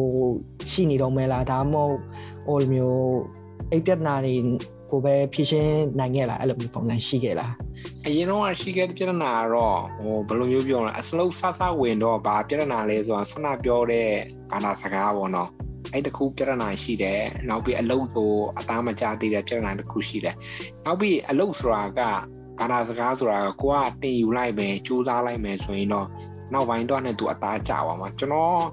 ဟိုအလုတ်စဝင်နေဆိုရင်တလတလပိုင်းစဝင်နေဆိုရင်ကျွန်တော်ကဟို9လပိုင်းရှင်း6လပိုင်း9လပိုင်းဆိုရင်ကျွန်တော်ကောင်းကောင်းအသားကျနေပြီအလုပ်လည်းကောင်းကောင်းလုပ်နေပြီဘာသာစကားလည်းကောင်းကောင်း တင်ယူနိုင်နေပြီအရင် join မဟုတ်ဆိုရင်မဲ့ကိုလုပ်နေတဲ့အလုပ်ပုံမှာပြောနေတဲ့ဘာသာစကားတွေကတော့ကောင်းကောင်းပြောဆိုနိုင်နေပေါ့နော်အဲအဲ့ဒါကအရင်တုန်းကပေါ့နော်အခုတော့တော်တော်လေးအဆင်ပြေတာတွေ့ရတာပေါ့နော်အလုပ်လည်းကောင်းကောင်းလုပ်နိုင်နေပြီနောက်ပြီးဘာသာစကားကလည်းကောင်းကောင်းပြောနိုင်နေပြီဆိုတော့ဘာမှစိုးရင်စရာအလောက်တော့မရှိတော့ဘူးပေါ့နော်အင်းဟုတ်ကဲ့အဲ့ဒါဆိုတော့အဓိကကတော့ကို9နှစ်တာကာလအတွင်းမှာအဲ့လိုမျိုးအလုံးလုံးအလုံးအလုံးလုံးနေတဲ့အချိန်ပေါ့နော်အဲ့လိုမျိုးဘာသာစကားအတွေ့ဟိုက ပြဿနာလေးကြုံတွေ့ခဲ့တာဒါပေမဲ့အချိန်ကြာလာတဲ့မြတ်ကိုဘကိုဖြေရှင်းနိုင်ခဲ့တယ်ပေါ့နော်ဘာလို့လဲဆိုတော့ဟုတ်တယ်ဟုတ်တယ်ဒီလူကအဲ့မှာဒီမှာရောက်နေအောင်ဒီမှာရောက်နေပြီးတော့အဲ့ဟာကိုကိုယ်တိုင်ကင်တွယ်ပြီးဖြေရှင်းခဲ့တာဆိုတော့အဲ့ဒါကလည်းတကယ်ပြောရရင် experience တစ်ခုပေါ့နော်အတွေ့အကြုံကောင်းတစ်ခုဟုတ်တယ်ဟုတ်တယ်အဲ့ဒါနဲ့ဆက်ဆက်ပြီးပြောရမယ်ဆိုရင်ကိုကိုမိုင်းလည်းအခုအလုံးလုံးနေတယ်ပေါ့နော်ကျောင်းတက်ရင်အလုံးလုံးနေတယ်နောက်ပြီးလူကလည်းထိုက်ပေမှာနေနေရဆိုတော့လေ ဆိုတော့အားလုံးလည်းသိကျင်တာပေါ့နော်အဲ့လိုထိုက်ပေမှာနေမယ်ထိုင်မယ်စားနေထိုင်စားတော့မယ်ဆိုရင်အဲ့လိုမျိုးဒီစိစားစေဒီစိတ်စားစိတ်ကိစ္စပဲပေါ့နော်ဘာလို့ဆိုအဲ့ဒါကတကယ်ပြန်စဉ်းစားကြည့်နိုင်သူတို့အတွက်လုံးဝ hot topic တစ်ခုပဲအရန်အရေးကြီးတဲ့တစ်ခုပေါ့နော်ဒီကြီးမယ်လို့ထင်တာပေါ့နော်ဟုတ်တယ်ဟုတ်တယ်ဘာလို့ဆိုတော့မြန်မာမြန်မာပြည်ကအစကတည်းကသူတို့အတွက်အဲ့လိုမျိုးအဲဈေးက တခြားနိုင်ငံအနေနဲ့ရှင်ကြည့်လိုက်ရင်ပေါ့နော်ဥပမာအပြင်ကျွန်တော်တို့ထိုင်းသွားမယ်ဆိုထိုင်းနဲ့မြန်မာနဲ့ရှင်ကြည့်လိုက်ရင်ထိုင်းကဈေးကနည်းနည်းပိုကြီးနေပြီဗျာသူတို့ထင်မှာပေါ့ထိုင်ဝမ်ဆိုရင်ပိုပြီးဈေးကြီးမယ်ပေါ့နော်ကိုမရောအဲ့လိုမျိုးဘယ်လိုမြင်လဲပေါ့နော်အဲအဲ့ဒါပြောပြမယ်တကယ်တမ်းပြောမယ်ဆိုရင်ထိုင်းပေမှာဈေးကြီးလာဆိုဈေးကြီးတယ်ဟုတ်မတုံးတိုင်တော့ပိုဈေးကြီးတယ်ပိုကုန်ပဲဒါပေမဲ့တစ်ခုတော့ရှိတယ် ချွေတာတတ်တယ်စုဆောင်တတ်တယ်သူ့နေရာနဲ့သူတုံးတတ်တယ်ဆိုရင်တော့မစုစုလို့ကိုရတယ်မစုလို့ကိုမရအောင်မဖြစ်နိုင်စုလို့ရကျွန်တော်နဲ့ပဲကျွန်တော်ရှင်းပြမယ်ကျွန်တော်ဆိုရင်ထိုက်ပေမှာပုံမှန်အခြေခံလာစာကသူသတ်မှတ်ထားတာအရင်ကျွန်တော်လာတော့ဆိုရင်ထိုင်ထိုင်ဝမ်2000 1000ပဲရတယ်အဲ2000 1000ကိုကျွန်တော်တို့ចောင်းစည်းလည်းပေးရတယ်ကိုစားစည်းလည်းကို ရှားရတယ်နောက်ပြီးစုပြီးတော့လည်းအိမ်ကိုပေးဖို့အတွက်လည်းကြိုးစားရတယ်အဲ့သုံးခုရဲ့ပြဿနာကိုတစ်ပြိတ်တည်းရှင်းရတာပေါ့နော်စားရောက်ကစားတော့မစုနိုင်ဘူးဒါပေမဲ့ចောင်းစည်းတွေပေးရတယ်နောက်ပြီးကိုသုံးဖို့အတွက်ဟိုလိုမျိုးထုတ်ရတယ်အဲ့လိုမျိုးလေးတွေနော်အဲ့ဒါဆိုရင်ကျွန်တော်ကထိုက်ပေမှာဘယ်လိုမျိုးရှာလဲဆိုတာ experience တစ်ခုပြောချင်တာကအာလူပေါ်မှာအရန်မူတည်တယ်လူက သုံးဖို့ပဲဒီမှာထိုင်ဝမ်မှာထိုက်ပေမှာနေမယ်ဆိုရင်တော့သုံးချင်မှာပဲဘာဖြစ်လဲဆိုတော့ထိုင်ဝမ်မှာထိုက်ပေမှာအလှပါသုံးချင်စရာဝယ်ချင်စရာတွေအများကြီးပဲ main ကလေးဆိုရင်ပိုလို့တော့စုလို့မရဘူးကျွန်တော်ကဘယ်လိုစုလဲဆိုရင်ကျွန်တော်ကကိုယ့်ကိုချက်စားတယ်ဗျာထမင်းပေါင်းတစ်လုံးလေးဝယ်လိုက်တယ်ထမင်းပေါင်းတစ်လုံးဝယ်လိုက်တယ် အဲမြန်မာငွေ2000ဝန်းကျင်ပေါ့နော်2000ဝန်းကျင်တော့အရင်မကောင်းအရင်လည်းမစိုးတယောက်စာလေးရတယ်အဲ့ဒါကိုထမင်းလေးချက်တယ်နောက်ပြီးဟင်းအိုးလေးချက်လို့ဟင်းအိုးလေးတစ်လုံးဝင်လိုက်တယ်အဲ့ဒါလေးကိုယ့်ကိုချက်စားတယ်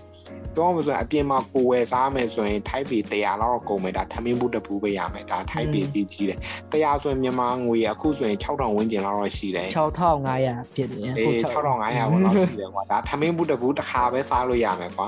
အဲ့တရားကိုကျွန်တော်က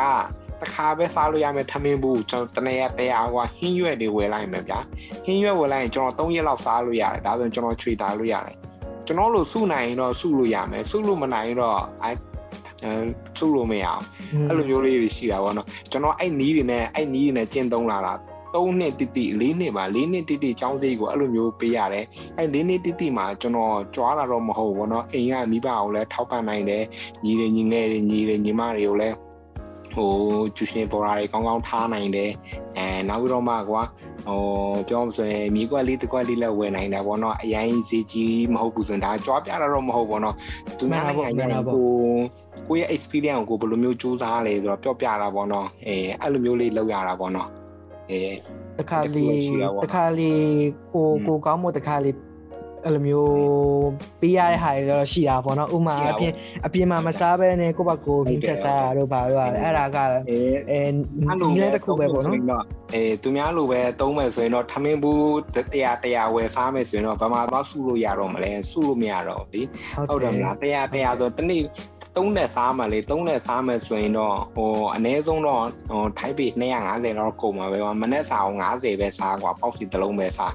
အေးနေ့လယ်စားနဲ့ညနေစားတော့အလုပ်လုပ်ထားရင်တို့အားရှိအောင်များများစားရပါပဲလေဟုတ်တယ်100ပို့လောက်စား250လောက်ကုန်ပါပဲ250ဆိုမြန်မာငွေကတော်တော်လေးများနေပြီလေအဲ့ဒါကြောင့်ဘလို့မှစုလို့မဖြစ်ဘူးအာကျွန်တော်ကစုနိုင်တဲ့အတွက်ကြိုးလဲကြိုးစားတဲ့အတွက်စုနိုင်တာပေါ့နော်အဲ့လိုမျိုးလေးတော့ရှိတာပေါ့နော်ဈေးစကားလေးကတော့သူ့နေရာနဲ့တူတော့ဈေးကြီးမှာပဲအဓိကတော့ကိုယ့်ရဲ့သုံးတဲ့ပုံမှာမူတည်ပြီးတော့ချွင်းချုံချွေတာပေါ့နော်အဲ့လေးတစ်ခုတော့ပြောချင်တာပေါ့နော် ဟုတ်ကဲ့ဆွမ်းနာရောက250ပြောရတာတော်တော်ကောင်းနေဘာလို့လဲဆိုတော့တရက်250ဆိုရင်တလားဟို9500ဖြစ်သွားတယ်ဟုတ်တယ်9500ဆိုရင်ကိုကိုရဲ့လာစာလာစာရဲ့ဟုတ်တယ်ဟုတ်တယ်အဲ့ဒါလာနဲ့တွက်လိုက်လာနဲ့တွက်လိုက်အဲ့ပမာဏကထွက်လာလိမ့်မယ် အဲ့ကြရင်ကိုချွေသားလိုက်မယ်လေ9000လောက်ကုန်မဲ့စားအောင်ကို3000လောက်ပဲစားမယ်လေအဲ့ဒါဆိုရင်ကိုတုံးအဲကို4000ကိုစုလို့ရတယ်အကြောင်းစိတ်ပေးလို့ရတယ်အာကိုတခြားမိဘအိမ်ရန်လူတွေကိုပေးလို့ရတယ်ဟုတ်တယ်မလားအဲ့လိုမျိုးလေးချွေသားတာပေါ့နော်ကိုလိုမျိုး၄နှစ်လောက်လုံးလုံးအဲ့လိုမျိုးလုံနိုင်တယ်ဆိုရင်တော့ထိုက်ပေမြို့မှာကောင်းကောင်းရှာလို့တော့ရတာပေါ့နော်မှန်တာပေါ့မှန်တာပေါ့ အဲ့ဒါအဲ့ဒါတခုပေါ့နော်အဲ့ဆိုကိုကအဲ့လိုမျိုးအဓိကကိုအဓိကအလုပ်အလုပ်လုပ်တာနဲ့ပဲအဲ့လိုမျိုးကြောင်းကြောင်းတတ်တယ်နောက်ပြီးစားတယ်တောက်တယ်နေတယ်ထိုင်တယ်နောက်ပြီးအဲပတ်စံပြန်ပို့တယ် ဥပကိုလိုအပ်တဲ့ဟာဝယ်တယ်ပေါ့နော်အဲ့ဒါအဲ့ဒါလေးပေါ့နော်ဘာလို့ဆိုတော်တော်များများကအဲ့လိုမျိုးဟိုအလုံးမလုံးချင်ကြရင်နောက်တနည်းအဲ့လိုမျိုးပညာသင်စုတွေလျှောက်ကြရဗျာဥမာကျွန်တော်ကျွန်တော်ဆိုရင်ပညာသင်စုလည်းလျှောက်တယ်အလုပ်လည်းလုပ်တယ်ပေါ့နော်ဒါမျိုးစလုံး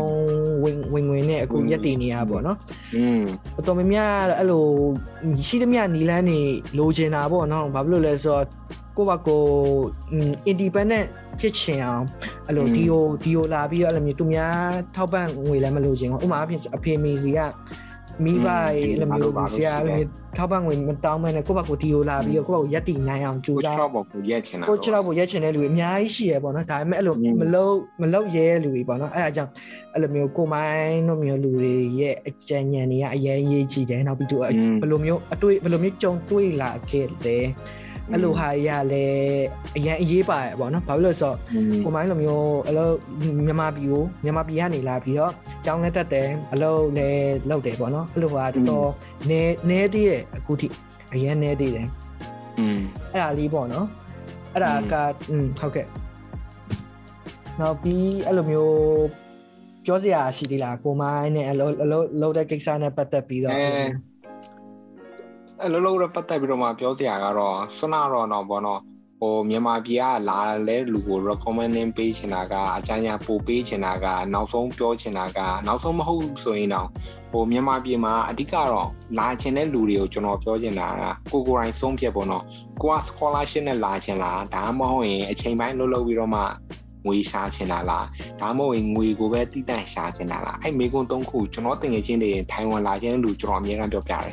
သူတို့ကျွန်တော်ပြောပြတယ်အဲ့သုံးခုကိုကိုရိုင်းရောအရင်ပြီးကိုကိုရိုင်းကဆုံးဖြတ်ပြီးတော့မှပဲဒါမှလားကျွန်တော်ပြောပြပေးမယ်အဲအဲ့တုန်းကကိုကဟို scholarship နဲ့လာခြင်းလဲဆိုရင် scholarship အကြောင်းကိုကျွန်တော်ပြောပြမယ်အဲတကယ်လို့ကိုကအချိန်ပိုင်းအလုပ်လုပ်ပြီးတော့မှကိုကအာရိုးရိုး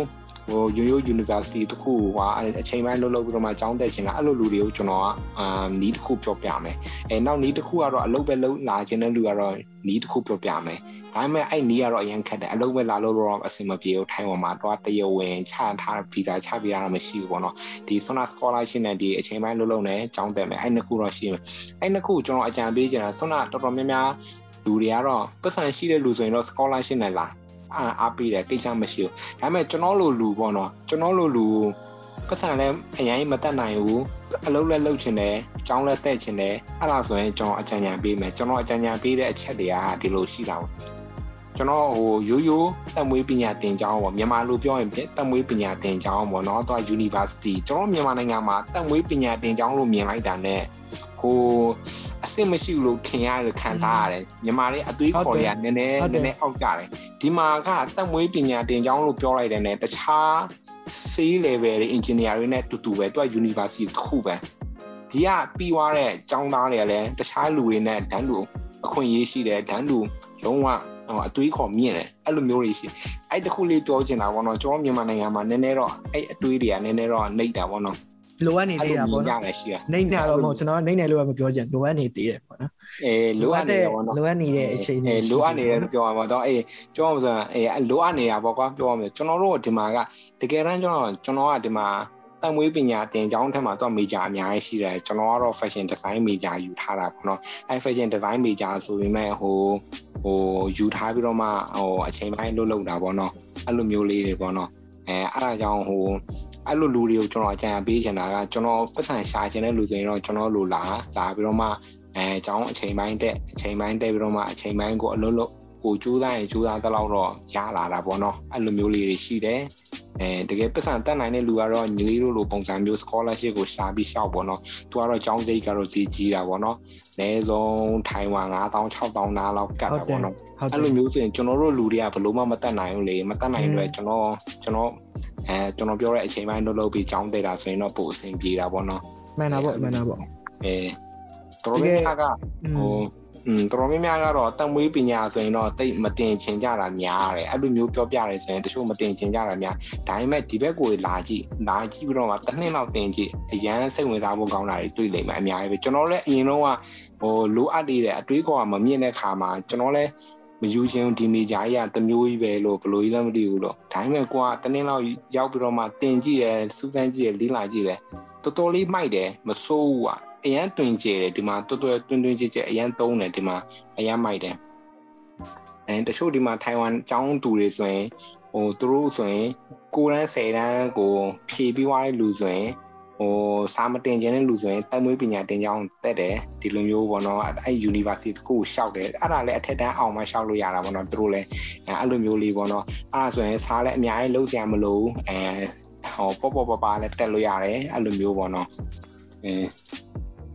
လောက်တော့လောက်လို့ရတယ်လောက်တော့လောက်ရတာပေါ့စားပေါ့နော်ဒါပေမဲ့တော့အရင်ဟိုကြက်ရတာတို့မှတ်ရတာတို့တော့မရှိဘူးပေါ့နော်အဲ့လိုမျိုးပေါ့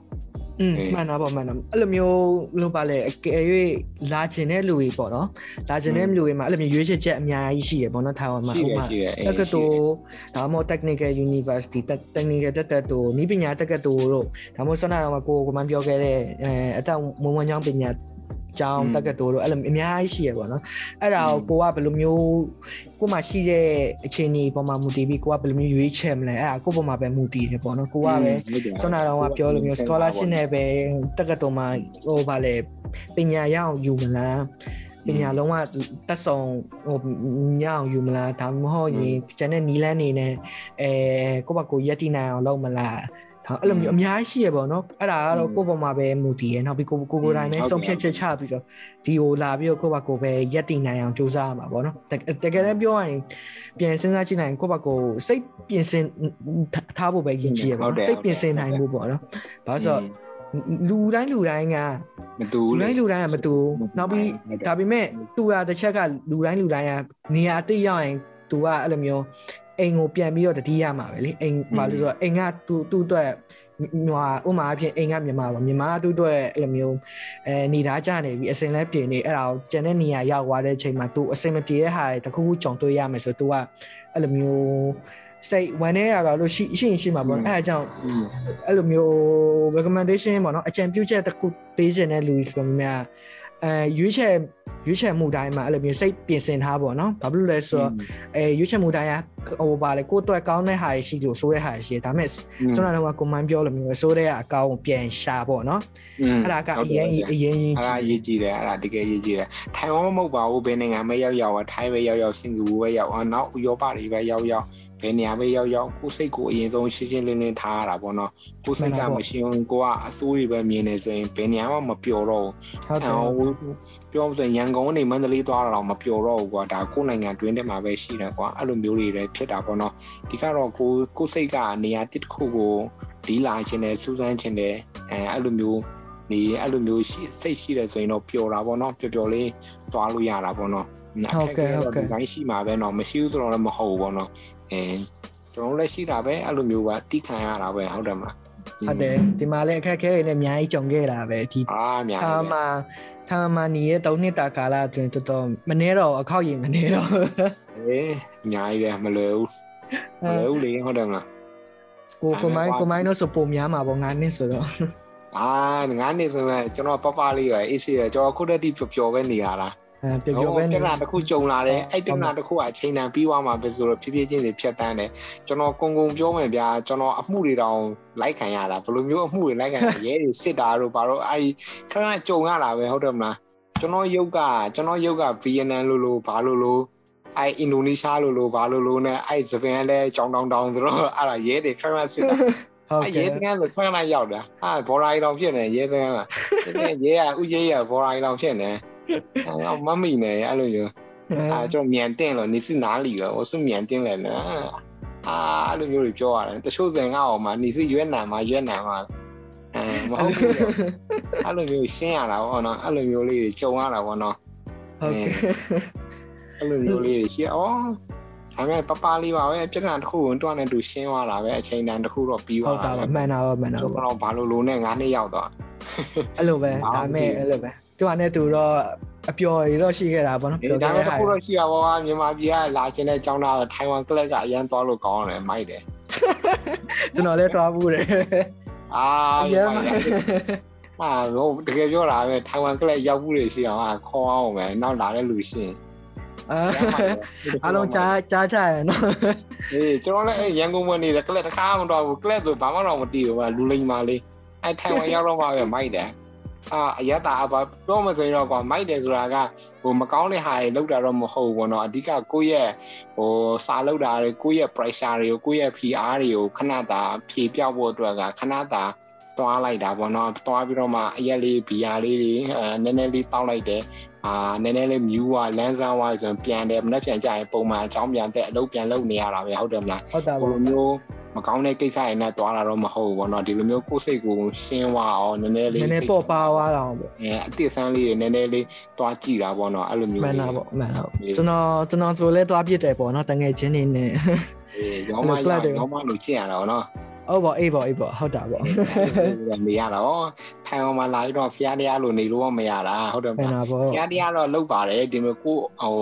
ကိုအဆောင်မှာဖျားပုံတော်တော့ကတ်တာတော့နှိမ့်တိုင်းတော့ဖျားရှိကိုဖြစ်တာပေါ့နော်ဒါပေမဲ့တချို့စိတ်ကအရန်ပင်ပန်းလာတဲ့ခါမှာဖြေပြောက်ဖို့နေရာလိုတယ်လေဟုတ်တယ်မလားတယောက်နဲ့တယောက်တော့မတူဘူးကျွန်တော်တို့ကအရန်ပင်ပန်းလာတဲ့ခါမှာခဏတပြုတ်ပေါ့နော်နှိမ့်တိုင်းတော့မဟုတ်ဘူးပေါ့နော်ဟို6လမှတစ်ခါမဟုတ်တစ်နှစ်ကိုတစ်ခါအဲ့လိုမှသွားဖြစ်တာပေါ့နော်အဲစိတ်ကိုဖြေပြောက်သွားတာတော့အဲ့လိုမျိုးနည်းနည်းတငယ်ချင်းနဲ့တွေ့ပြီးစကားတွေပါပြောတာတော့အဲ့လိုမျိုးလေးရှိတာပေါ့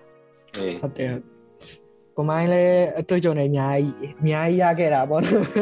အာနည်းနည်းတော့မဟုတ်ဘူးအများကြီးပဲအများကြီးပဲရကြအောင်မရှိတော့အေးနောက်ဆိုရင်နောက်ဆိုရင်အကယ်၍ဟိုကုညီပါလို့ရင်ကိုမိုင်းစီကနေကုညီတော့မှာကိုမိုင်းကျွန်တော်ကျွန်တော်ရဲ့ကျွန်တော်ရဲ့စီနီယာအာ ကျွန်တော်လိုချင်တဲ့အားပြောလိုက်မှာစောတော့မရှာပေးနိုင်ဘူးအဲ့ဒါကိုရောမရှိဘူးကိုရောမရှိရတာအဲ့တခုတော့ပြရတော့ရှိတယ်အဲ့တခုတော့မကူညီနိုင်ဘူးဖြစ်နေအေးအဲအဲစားတော့ကူညီလို့ရရင်ရလားပတ်စံတော့ကူညီရရင်ရလားစောတော့ရှာပေးလို့မရဘူးကိုကိုတိုင်းတော့တိုင်ပတ်တယ်လားအမအမနားထောင်တဲ့လူတွေကိုပြောပြထားတာကြိုပြီးတတိပေးထားတာပေါ့နော်ဟဲ့လားအဲအေးရှိရလားနားထောင်လူရှိရလားအမဟုတ်နားထောင်တဲ့လူဆိုတာဒီ podcast ဆိုနားထောင်မဲ့လူတွေကိုပြောတာပါ အာမဟုတ်တော်တော်များတယ်တော်တော်ကျွန်တော်ဟိုအရှိအရှိတစ်ခေါက်ဟင်းနေဆန်ကြည့်တယ်မှာဟိုလိုက်ရငါးခုအာမိုက်တယ်အားရတယ်နော်အားရတယ်ရမောအောင်င်တိုင်းရချိုးမြပြောဆရာမောင်တိုင်းချိုးပြောတယ်လို့ပြောမိုက်တယ်ကွာနော်ကြည့်လို့900အောင်ရှိတယ်မိုက်တယ် ဘယ်လိုပဲပြောပါဒီဟာကကြာလာရင်လည်းမှတ်တမ်းတစ်ခုအနေနဲ့ထားထားမှာဆိုတော့သူကလည်းသူတော့တောက်သွားမှာပေါ့အေးအေးနော်ဟိုငါတို့ပြောရင်အရန်ရှည်သွားရင်နားတော်လူကတိတ်ပြီးတော့မှမကြိုက်တော့ဘူးနည်းနည်းအရန်မရှည်ရဘူးအဲ့လိုမျိုးကွာမဟုတ်မအာဟုတ်10 10မိနစ်မိနစ်20ကိုလုံးဝထိတယ်မဲ့စကားဆိုအခုကငါတို့ခုဆိုရင်ငါတို့ရှောက်ပြောနေတဲ့စကားတွေဆိုသူတို့နားမထောင်ချင်တော့ဘူးကွာကြော်ကြည့်ပါကြော်ရင်ကြော်မှာတော့မပြောတတ်အေးအေးဥမာ အေးငါတို့ဗီဒီယိုနောက်ဆိုပို့ဆိုမှာငါတို့ဗီဒီယို9မိနစ်စာတော့ကွာကြော်ညာတွေဝင်လာရင်ဆောက်လို့ရှုပ်တယ်အဲကြော်ပြစ်တယ်လေဟုတ်တယ်ဟုတ်ပါအဲကြောင့်ငါတို့စကားပြောရင်ဘယ်သူမှအရင်ရှည်သွားရင်တော်ပြီမှန်တယ်မှန်တယ်မှန်တယ်အဲ့လိုမျိုးလေအေးအဲ့ဒါပေါ့နော် အဲအဲ့ဒါပြီးနောက်ဆုံးတစ်ခုပေါ့နောက်ဆုံးတစ်စောင်းမိမှာအာအနာဂတ်ကိစ္စပေါ့နော်အဲကိုကိုမကထာမနီနီက9နှစ်ရှိပြီနောက်အဲ့လိုမျိုးဘာအစီအစဉ်လည်းရှိရပေါ့နော်ထာမဆက်ပြီးအလုံးလုံးဟိုရှိလားဒါမှမဟုတ်မြန်မာကိုပဲပြန်ကျင်ပြန်မာလားအချိန်တိုင်းပြန်မာလားအဲ့လိုမျိုးအစီအစဉ်တွေရှိလားအစီအစဉ်ရှိလားဆိုတော့ဟာဘာအနေနဲ့ပြောမှဆိုရင်တော့ကျွန်တော်အစီအစဉ်ကတော့တစ်ခုရှိတာပေါ့နော်ထိုင်ဝမ်ကောင်းလေးယူပြီးစနေကောင်းမလားဒါမှမဟုတ် အဲအဲ့အဲ့နီးတခုကအကောင်းဆုံးပဲလေထိုင်ဝမ်ကောင်းလေးယူစနေကောင်းမလားဒါမှမဟုတ်မြန်မာပြည်ပြန်ပြီးတော့မှမအလားဟိုပဲတော့တိုင်ကောင်းမလားဟိုမှာအဲ့ဒါတခုတော့ရှိတာပေါ့နော်စဉ်းစားရတာတွေများတာလမ်းတွေကစဉ်းစားရတာများတာပေါ့နော်အဲတကယ်တမ်းကတော့ကွာလွယ်တော့မလွယ်ပါဘူးထိုင်ဝမ်ကောင်းမလေးယူဖို့တွေ့တော့ဟုတ်တယ်မလားကိုယ့်အခြေအနေနဲ့ကဒါတော့ဟာတာအနေနဲ့ပြောတာပေါ့နော်တကယ်တမ်းတော့ထိုင်ဝမ်မှာအခြေချဖို့တွေ့တကယ်တော့နောက်ဆုံးတစ်ချက်ကိုကျွန်တော်ပြောပြမယ်ကျွန်တော်ဒီမှာတီးခဲ့တဲ့ဟာကတော့ နော်ထိုင်ဝမ်မှာကျွန်တော်တို့အဲ၄နှစ်ကဘွဲရတယ်ဘွဲကိုနောက်ပြီးတော့မှတကယ်တမ်းတော့နောက်နှစ်နှစ်ထပ်ဆွဲတက်လို့ရတယ်အဲ့ဒါဆိုရင်ကျွန်တော် university တစ်ခုကျွန်တော်တို့6နှစ်တက်လို့ရတယ်အဲ့6နှစ်ပြီးသွားပြီဆိုရင်တော့ဘွဲရပြီဆိုရင်တော့အဲတကယ်တမ်းဆိုရင်ကျွန်တော်မြန်မာပြည်ပြန်ရမှာအဲ့မြန်မာပြည်မပြန်ချင်းသေးဘူးထိုင်ဝမ်မှာဆက်နေချင်းသေးတယ်ဘာလုပ်လို့ရလဲနီးတစ်ခုရှိတယ်ဘာနီးလဲဆိုတာမာစတာတန်းကိုနောက်နှစ်နှစ်ဆက်တက်လို့ရနေတယ် မာစတာတန်းကိုနောက်နှစ်နှစ်ထပ်တက်ပြီးတော့မှကျွန်တော်တို့၈နှစ်ရသွားပြီနော်၈နှစ်တော့ကျွန်တော်တို့ထိုင်ဝမ်မှာနေလို့ရပြီဟုတ်ပြီကျွန်တော်မပြန်ချင်းလေးကိုထိုင်ဝမ်မှာဆက်နေချင်းလေးဘယ်လိုလုပ်ရမှာလဲသူ့မှာဥပဒေနောက်တစ်ခုချထားလေးတာရှိတယ်အဲ့ဒီဥပဒေကတော့သူတို့တတ်မှတ်ထားတဲ့စီမီစီကန်အမှတ်80ကျော်တယ်ဆိုရင်တော့ထိုင်ဝမ်မှာဆက်နေလို့ရတယ် အမှတ်80ကျော်ဆိုရင်အဲ့ထက်မှသူတတ်မှတ်ထားတဲ့ level တွေအများကြီးရှိတယ်တထေးရဲ့ခေါ်စာရဲ့နောက်ပြီးတော့မှတရုတ်လဲစာ level ရဲ့ဘွဲလက်မှတ်ရဲ့ညောင်းပြီးနောက်ပြီးအဲ့ဒါတွေကတော့ကွာအမှတ်80တတ်မှတ်ထားတာကိုကျော်တယ်ဆိုရင်အဲ့ဒီကသူတို့ရဲ့အာလာဝကယုံပေါ့နော်ဒါ work permit ချပေးတာပေါ့နော်အဲကျွန်တော်တငယ်ချင်းတယောက်ကအဲ့လိုမျိုးလေးလုပ်နေတာပေါ့နော်အဲကျွန်တော်ကတော့อืมအဲ့လိုမျိုးလေးတော့ပြတာပေါ့နော်ဟွန်းကျွန်တော် ကျွန်တော်အဲ့ဒါအဲ့အကြောင်းနဲ့ပတ်သက်ပြီးတော့ကျွန်တော်လည်းနည်းနည်းအသေးစိတ်တည်ထားလို့ကျွန်တော်နည်းနည်းပြန်ရှင်းရပြမယ်ပေါ့နော်အဲ့နားထောင်နေလူရှိခဲ့ရင်ပေါ့နော်အခုနောက်ဆုံးထိပေါ့နော်နောက်ဆုံးထိရှိခဲ့ရတယ်ရတယ်အဲ့လိုတော့ရှားရှားရှားရှားမထားအဲ့ဒါကအဲ့ဒါတန်တန်မိုးရှိရဟုတ်တယ်တန်မိုးရှိရကျွန်တော်ပြောရတာတန်မိုးရှိရနားနားထောင်မလားနားထောင်မလားသူ့အပိုင်းပြောသွားပြီပေါ့ဒါပေမဲ့အဲ့လို work permit ချထားပြီးတဲ့ဟာကလေအဲ့လိုမျိုး80ပေါ့နော်ဆွမ်းအောင်ပြောရခွနဲ့အဲ့ထဲမှာလုံးဝအမှတ်များဆုံးကအဲ့ဘာသာပိုင်းဆိုင်ရာပေါ့နော်ဥမာအားဖြင့်ကိုကတရုတ်ဘာသာစကားအင်္ဂလိပ်ဘာသာစကားမြန်မာဘာသာစကားကို၃ခုစလုံးကျွမ်းကျင်တယ်ဆိုသူက25မှတ်ပေးရတာမသိဘူး25မှတ်တောင်နောက်ပြီးအဲနောက်ပြီးထပ်ပေါင်းမယ်ဗျာအဲ့လိုမျိုး အဲတရုတ်စာကအဲ့ထဲမှာမှတရုတ်စာကကိုကကျွန်တော်တော့ပြောခဲ့လို့ HSK 6အဲဥမာ B2 C1 လောက်ဆိုသူကအမှတ်20ထပ်ပေးတယ်နောက်ပြီး master master တန်းပြီးရဲ့လူဆိုအမှတ်20ထပ်ရတယ်အဲ့လို20 20 25ပေါင်65ဖြစ်နေပြီအဲ့ဒါမှကိုကတထေးစီကအလုံးအလုံးစာတထေးစီကတထေးစီကအလုံးတင်ထောက်ကန်စာနောက်ပြီးအဲ့လိုမျိုးကိုကအမှတစ်နှစ်တောင်နှစ်နှစ်အလုံးလုံးခဲ့ပါတယ်ဆိုရင်အဲ့ဆိုရသွားတယ်ကွာအဲ့ဒါဆိုတကယ်ပြောရရင်ထားမှာ ဆက်နေဖို့ဆိုအရန်လွယ်တယ်အဲ့ဒါအဲ့ဒါကတိုးပေးထားပါတော့ဥပဒေကအဲ့လိုချထားပေးတယ်နောက်ပြီးလူတွေကအဲ့ဒါကိုရွေးရွေးချယ်မလားအဲ့ဒါလူတွေပေါ်မှာပဲမူတည်ရပေါ့နော်อืมဟုတ်တယ်ဟုတ်တယ်အဲဆိုတော့နောက်တစ်ခုကတော့ကိုကရုပ်ဖြောက်လို့ယူပါချောတယ်ဆိုရင်တော့ထိုင်ဝမ်ကောင်းကလေးယူပြီးဆက်နေပေါ့နော်အဲ့ဒါအဲ့ဒါကတော့အမြန်ဆုံးနီလန်းပေါ့နော်ဘာလို့လဲဆိုတော့အဲ့ဒါကရာတပ်ပန်ရာတပ်ပန်ဗီဇာရဲ့အဲအာရာပန်ရာတပ်ပန်နေပြီးတော့ပဲအဲ့ဒါမိုက်တယ် အေးဟုတ်တယ်အဲ့ဒါကအကောင်းဆုံးခုတော့ရှိတာပေါ့နော်အေးကျွန်တော်တော့စူးစမ်းကြည့်မလို့လို့အဲ့လိုမျိုးစောက်လို့ရှုပ်တယ်လို့အဲ့ဒါစကားတွေကတော့အကောင်းနေနော်ကိုမိုင်းလဲစူးစမ်းကျွန်တော်လဲစူးစမ်းပါအေးအဲ့ဒါရရှုပ်တယ်ပါနော်အဲ့ထိုင်ကောင်းလေးတယောက်တော့ဆွဲထားလိုက်ပြီးပြီကွာလို့မှန်တာပေါ့မှန်တာပေါ့အဲ့ဒါလေးအေးအေးအဲ့လိုအဲတော်တော်များများတော့ကျွန်တော်တို့ဆွေးနွေးပြီးပါပြီအဲကိုကိုမိုင်းပါထပ်ပြောစရာရှိလဲမရှိတော့အဲဘာမှတော့မရှိတော့ပါဘူး အေးဘာမှမရှိတော့အဆင်ပြေတယ်ပြည့်စုံတယ် perfect ဖြစ်တယ် perfect ဖြစ်တယ်နော်ကျွန်တော်တော်တော်တော်များလဲဆွေးနေလိုက်တာပဲပေါ့နော်အရင်ရှိဝိုင်းနောက်တော့လူစိတ်မရှိဖြစ်မှာဆိုလို့ကွာမြန်မြန်အဆုံးတက်ပေးတာမဟုတ်ဘူးဟုတ်တယ်ဟုတ်တယ်ကျိုးစရာတွေတော့အများကြီးပဲပေါ့နော်အေးဟုတ်တယ်စိတ်မရှိမှာဆိုလို့ပါလေအားလုံးကြားကြရပေါ့နော်ဟိုဟာကိုဟိန်းကိုဟိန်းတော့ episode တုန်းကဆိုရင်မိနစ်60လောက်တောင်ကြာပါပါနော်ကျွန်တော်ကျွန်တော်တက်နိုင်လောက်မိနစ်50အတွင်းပြီးအောင် record လုပ်ထားပါတယ်လို့အားလုံး အေးမဟုတ်မဟုတ်ငါကျွန်တော်အဲ့တစ်ချက်ပြောပြအောင်ကိုကိုရိုင်းလောင်ကွာသူများအဲ့လိုမျိုးအရင်ရှည်စဉ်ကိုနားမထောင်ချင်ကိုအဲ့လိုမျိုးပြန်ပြီးတော့ပြောတဲ့ခါမှာသူများနားမထောင်ခြင်းဆိုကိုတိရဒါပေမဲ့အဓိက point ကိုပဲကိုကပြောပြစီချင်တိလေချင်တဲ့ဆိုရင်သူတို့လည်းထိရောက်တယ်ကိုတွေ့လည်းထိရောက်တယ်မလားကိုတွေ့လည်းအချိန်တွေအများကြီးမကုန်တော့ဘူးသူတို့နားထောင်တဲ့လူလည်းချိန်ပြီးအများကြီးမကုန်တော့ဘူးကွာသူတို့လိုချင်တာတွေတိချင်တာတွေအားလုံးသူတို့တိလို့ရသွားတဲ့အတွက်ကွာဟုတ်တယ်မလားဟုတ်တာပေါ့ဟုတ်တာအဲ့ပေါ့ဒါလို့ရှိတာပေါ့နော်ဟုတ်တာပေါ့အေး အဲဆိုတော့ဒီနေ့လာပြီးတော့စကားအတူတူဆွေးနွေးပြောပေးတဲ့ကိုကိုမိုင်းကိုလည်းကျေးဇူးအများကြီးတင်ပါတယ်လို့အခုလိုအဆုံးထိနားထောင်ပြီးတဲ့အဲပရိသတ်တွေလည်းအားလုံးကျေးဇူးအများကြီးတင်ပါတယ်လို့အေးဟုတ်တယ်ဟုတ်တယ်အဆုံးထိနားထောင်လို့တော့လက်ချိုးရည်ပြီးတော့မှကွာအဲလက်ဆောင်လေးတွေပေးမယ်ဟာဟာ အဆုံးထိနားမထောင်တော့အဲ့လိုမျိုးလုံးမရဘူးအဲ့လိုမျိုးမလုပ်ရင်သူတို့ကနားမထောင်တော့ထွက်သွားအဲတော့တော့ပဲနားထောင်မယ်လို့တော့ပဲနားထောင်လေးတွေအဲကွန်မွန်းလေးတွေစီစဉ်ပေးလိုက်ရင်အဆုံးထိနားထောင်ပေးမှာအာနားမထောင်ရင်လည်းနားထောင်ချင်းနားမထောင်ရင်လည်းနားထောင် အဲ့ဒါဆိုရင်ရ မှန် ပြီ ပါပေါ့မှန်ပါဟုတ်ကဲ့အားလုံးများအားလုံးနားထောင်ပြီးရတဲ့လည်းအားလုံးကျေးဇူးအများကြီးတင်ပါတယ်ကိုမိုင်းကလည်းကျေးဇူးအများကြီးတင်ပါတယ်ပေါ့နော်အဲဆိုအားလုံးနှုတ်ဆက်လိုက်ပါရကျွန်တော်တို့နောက်တစ်ပတ်မှဆက်တွေ့ကြတာပေါ့နော်ဟုတ်ကဲ့ပါကျေးဇူးအများကြီးတင်ပါတယ် โอเคโอเคဟိုရတယ်ရတယ်ခုနကခုနအေးအားလုံး ကောင်းတော့ညလေးပါအားလုံး